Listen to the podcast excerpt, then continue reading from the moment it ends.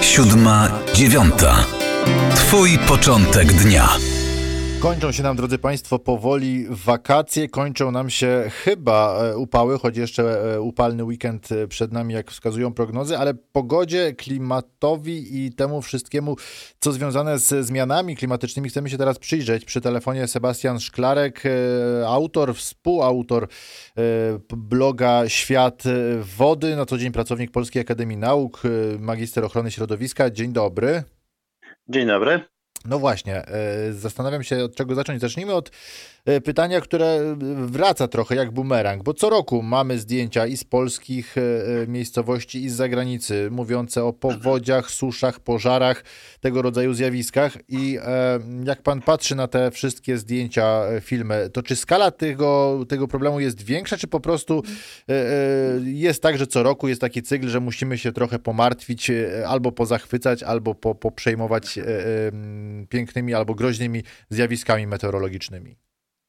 Tak, czyli tutaj są jak gdyby dwie, trochę dwie kwestie. Tak, mhm. Tak, jedna, że, że, że media z chęcią wychwytują takie skrajne zjawiska. Tak. Natomiast rzeczywiście faktem jest to, że mimo rozwoju i przesyłu tego, tych informacji bardzo szybkiego, to rzeczywiście y, susze są coraz częstsze i coraz bardziej intensywne. Tak? I to nie jest tak tylko, że, że to po prostu korzystając z technologii my bardzo szybko wychwytujemy takie miejsca na świecie i wtedy ta informacja bardzo szybko krąży, tylko rzeczywiście, rzeczywiście ten problem narasta z roku na rok wraz z, z ocieplaniem się naszej planety.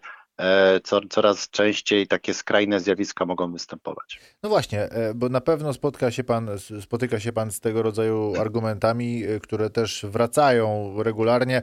Panie kochany, upały i susze to były zawsze, nie ma się tym co za bardzo przejmować. Raz było cieplejsze lato, raz było zimniejsze, raz była cieplejsza zima, bardziej mroźna i śnieżna, raz mniej. Mhm, Cóż to mhm. z tym zrobić? Machnąć na to ręką i po prostu zakładać kurtki albo krótsze rękawki w zależności od problemu i zjawiska.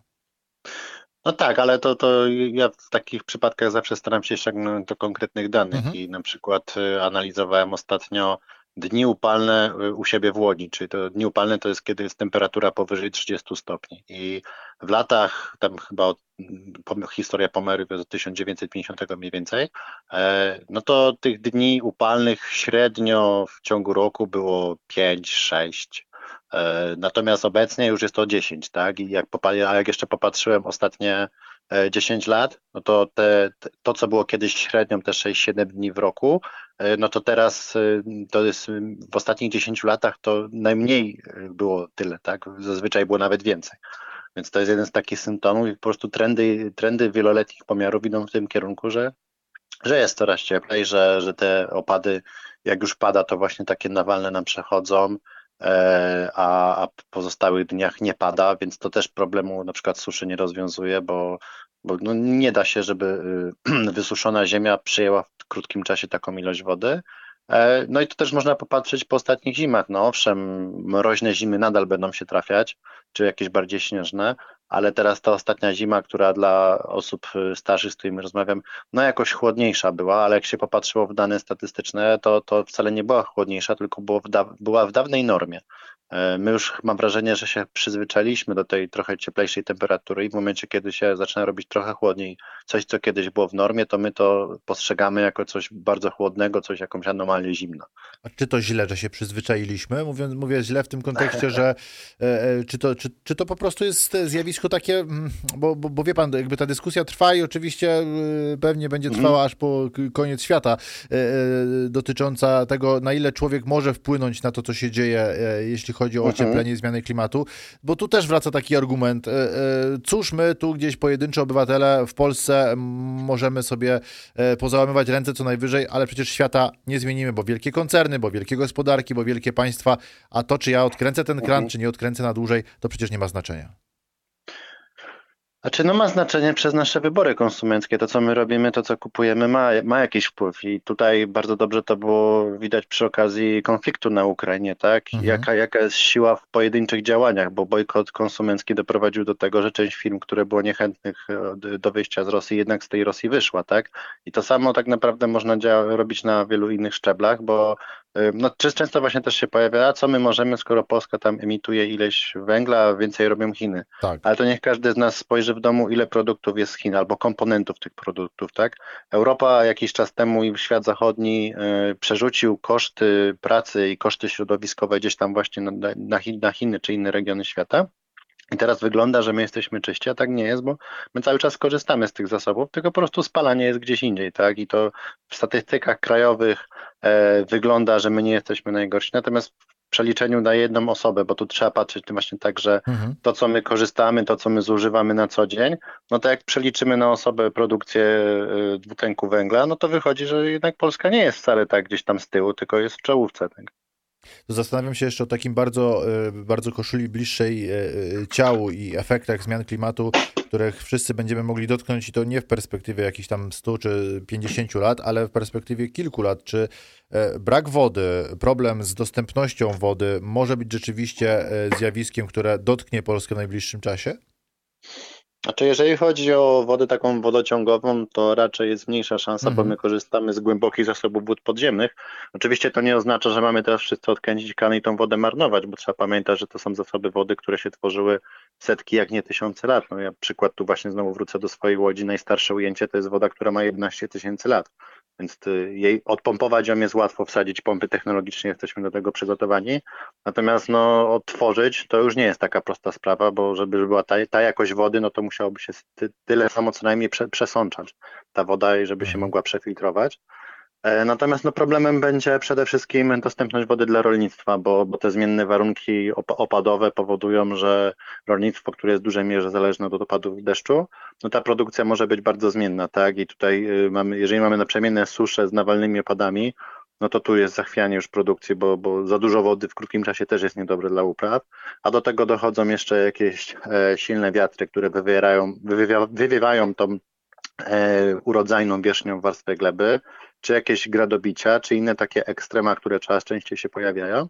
No i to wszystko łącznie wpływa na, na, na trudniejsze warunki do produkcji rolniczej.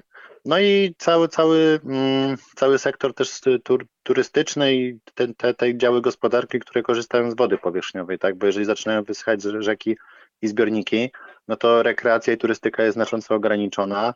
E, taka sucha, znaczy sucha, sucha pogoda, wysokie temperatury i brak albo niewielkie przepływy w rzekach, czy, czy przede wszystkim w zbiornikach, no promują też zakwity sinic, tak? I, I, to też jest kolejny czynnik, który jest wzmocniony przez zmianę klimatu i przez zanieczyszczenie wód, a który później nam utrudnia takie normalne korzystanie z tych zasobów wody. Myślę, że to nie będzie jakaś e, bardzo odkrywcza teza, ale rozumiem, że w dużej mierze te sprawy dotyczące zmian klimatu wynikają z nadmiernej eksploatacji e, e, e, naszych dóbr naturalnych, mówię naszych jako ludzkości szeroko rozumianych mhm. i tego, w jaki sposób my działamy. Okej, okay, ja to przyjmuję. Czy jedyną odpowiedzią jest to, co słyszymy na przykład od prezydenta Emmanuela Macrona, który mówi wczoraj, że żyjemy u kresu ery obfitości, że za chwilę czeka nas wielki przewrót, a jak zerkam na Mm, pomysły na przykład w planie Fit for 55, e, czy planie na ograniczenie właśnie CO2, no to wynika z tego, że era taniego, szybkiego latania na weekend do Włoch, era e, tanich samochodów na tanią ropę, e, era takiego wszechobecnej dostępności na przykład całej, całego mnóstwa sprzętu elektronicznego, czy to wszystko się kończy tak naprawdę, jeśli chcemy uratować, powiem górnolotnie, planetę? Mm. Znaczy problem jest taki, yy, znaczy prawdopodobnie tak, bo tu na przykład problem z dostępnością wody to już powoduje konflikty w wielu regionach. Mhm. Problem z tym wszystkim jest taki, że to wszystko, w ceny produktów nie są wliczane, wliczane tak zwane koszty, koszty środowiskowe, tak? Bo e, może wytłumaczę to na przykładzie drzewa, będzie najprościej. Mhm. E, my ścinając drzewo przeliczamy jego wartość jako surowiec, tak? Ile to drewno jest warte i co my możemy z nim zrobić. Natomiast ścinając drzewo nie, nie wliczamy w koszt tego ścięcia takiej rzeczy, że to drzewo oczyszcza powietrze, że to drzewo zamienia właśnie na przykład dwutlennego węgla na tlen, E, że to drzewo, jeżeli to na przykład była jakaś jabłon w ciągu roku, daje nam jeszcze jakieś jabłka, które są ileś warte, tak? I, i to nie jest wliczane to, że my to drzewo tracimy. I tak, tak, tak, tak naprawdę w ten sposób można z każdym komponentem środowiska postępować.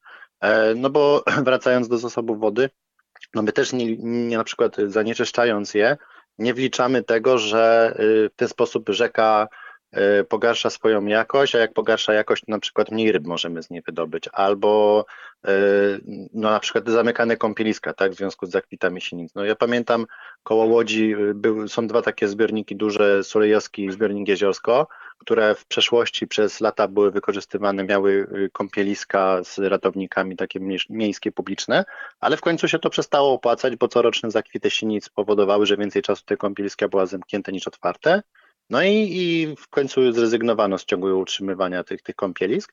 A to jest właśnie efekt też takiego traktowania środowiska jako odbiornika wszystkich odpadów i nie wliczania tego, e, tych kosztów. I tak samo jest właśnie z, ze spalaniem paliw kopalnych. Tak? Jeżeli my e, emitujemy te różne zanieczyszczenia do powietrza e, po śmiesznie niskich kosztach, e, no to to powodowało taką degradację tego ekosystemu środowiska i klimatu i do, doprowadziło do takiej sytuacji, że teraz e, musimy szukać e, tak naprawdę alternatywnych źródeł, tak? I przez to, że to się tak długo przeciągało w czasie odejście od spalania paliw kopalnych, no to mamy teraz taki problem, że ta technologia y, jeszcze się na tyle nie upowszechniła, żeby była tańsza i żeby nie, nie generowała wzrostu, wzrostu kosztów produkcji. A Pana zdaniem to rzeczywiście jedynym wyjściem, mm, do którego powoli trzeba się przyzwyczaić i oswajać z taką myślą jest no, ograniczenie w jakimś znaczeniu jakości naszego życia? Znaczy, no nie chodzi też nawet o ograniczenie może, bo to trzeba było pewnie dokładnie w poszczególne mhm. różne dane. No ja, ja bardziej się obracając w temacie e, wody, zwróciłem uwagę na taką rzecz, no tutaj się mówi dużo na przykład o y, suszy rolniczej, o problemach z produkcją żywności, tak. o wzrostach ceny, a jednocześnie raporty pokazują, że 30% marnowanej żywności to jest żywność marnowana w naszych gospodarstwach domowych, tak? No to jeżeli są problemy i rośnie, no, rosną nam koszty, to dlaczego my tą żywność marnujemy, tak? Mhm. I pewnie tak można na, na wielu różnych y, produktach y, takie, takie informacje pozdobywać.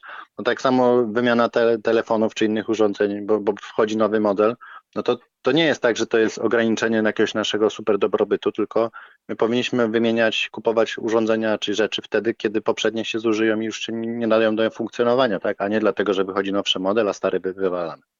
To jeszcze dopytam o y, działania, bo mówimy o takim działaniach y, i efektach y, na poziomie indywidualnych decyzji. A co możemy zrobić, albo na co możemy naciskać naszych kochanych posłów i, i e, premierów i prezydentów, których wybieramy co, co i róż w wyborach? Mhm. Co można zrobić z perspektywy państwa, albo nawet szerzej Unii Europejskiej, byśmy ten efekt, o którym mówili, osiągnęli pewnie skuteczniej i szybciej, no bo jeśli coś będzie podjęte na poziomie centralnym, to szybciej się to mhm. odbije w efekt efektach niż decyzje personalne na stół klientów na dole. Tak, znaczy no tutaj e, rosnąca świadomość społeczeństwa i takie organizacja się oddolna, tak, bo, bo ja, to, ja to widzę dobrze na przykładzie e, z problemu ze smogiem. E, zaczęły powstawać alarmy smogowe, mhm. chyba pierwsze, jeżeli dobrze pamiętam, w Krakowie. Później te alarmy smogowe powstały w wielu miastach większych. Później jakiś tam ogólna taka, ogólnokrajowy ruch. No i finalnie mamy wprowadzone przepisy właśnie centralnie i, i, lokalnie, które y, miały przeciwdziałać smogowi, ograniczenie spalania w tych kopciuchach i już w niektórych regionach widać poprawę y, i efekty tego działania. Więc y, tutaj trzeba na różnych szczeblach i trzeba też pamiętać o tym, że no, ci, których my wybieramy, zazwyczaj później spełniają oczekiwania swoich wyborców. Tak? Jeżeli my nie będziemy mieć oczekiwań takich, żeby poprawić tą sytuację, no to zawsze będą jakieś inne priorytety.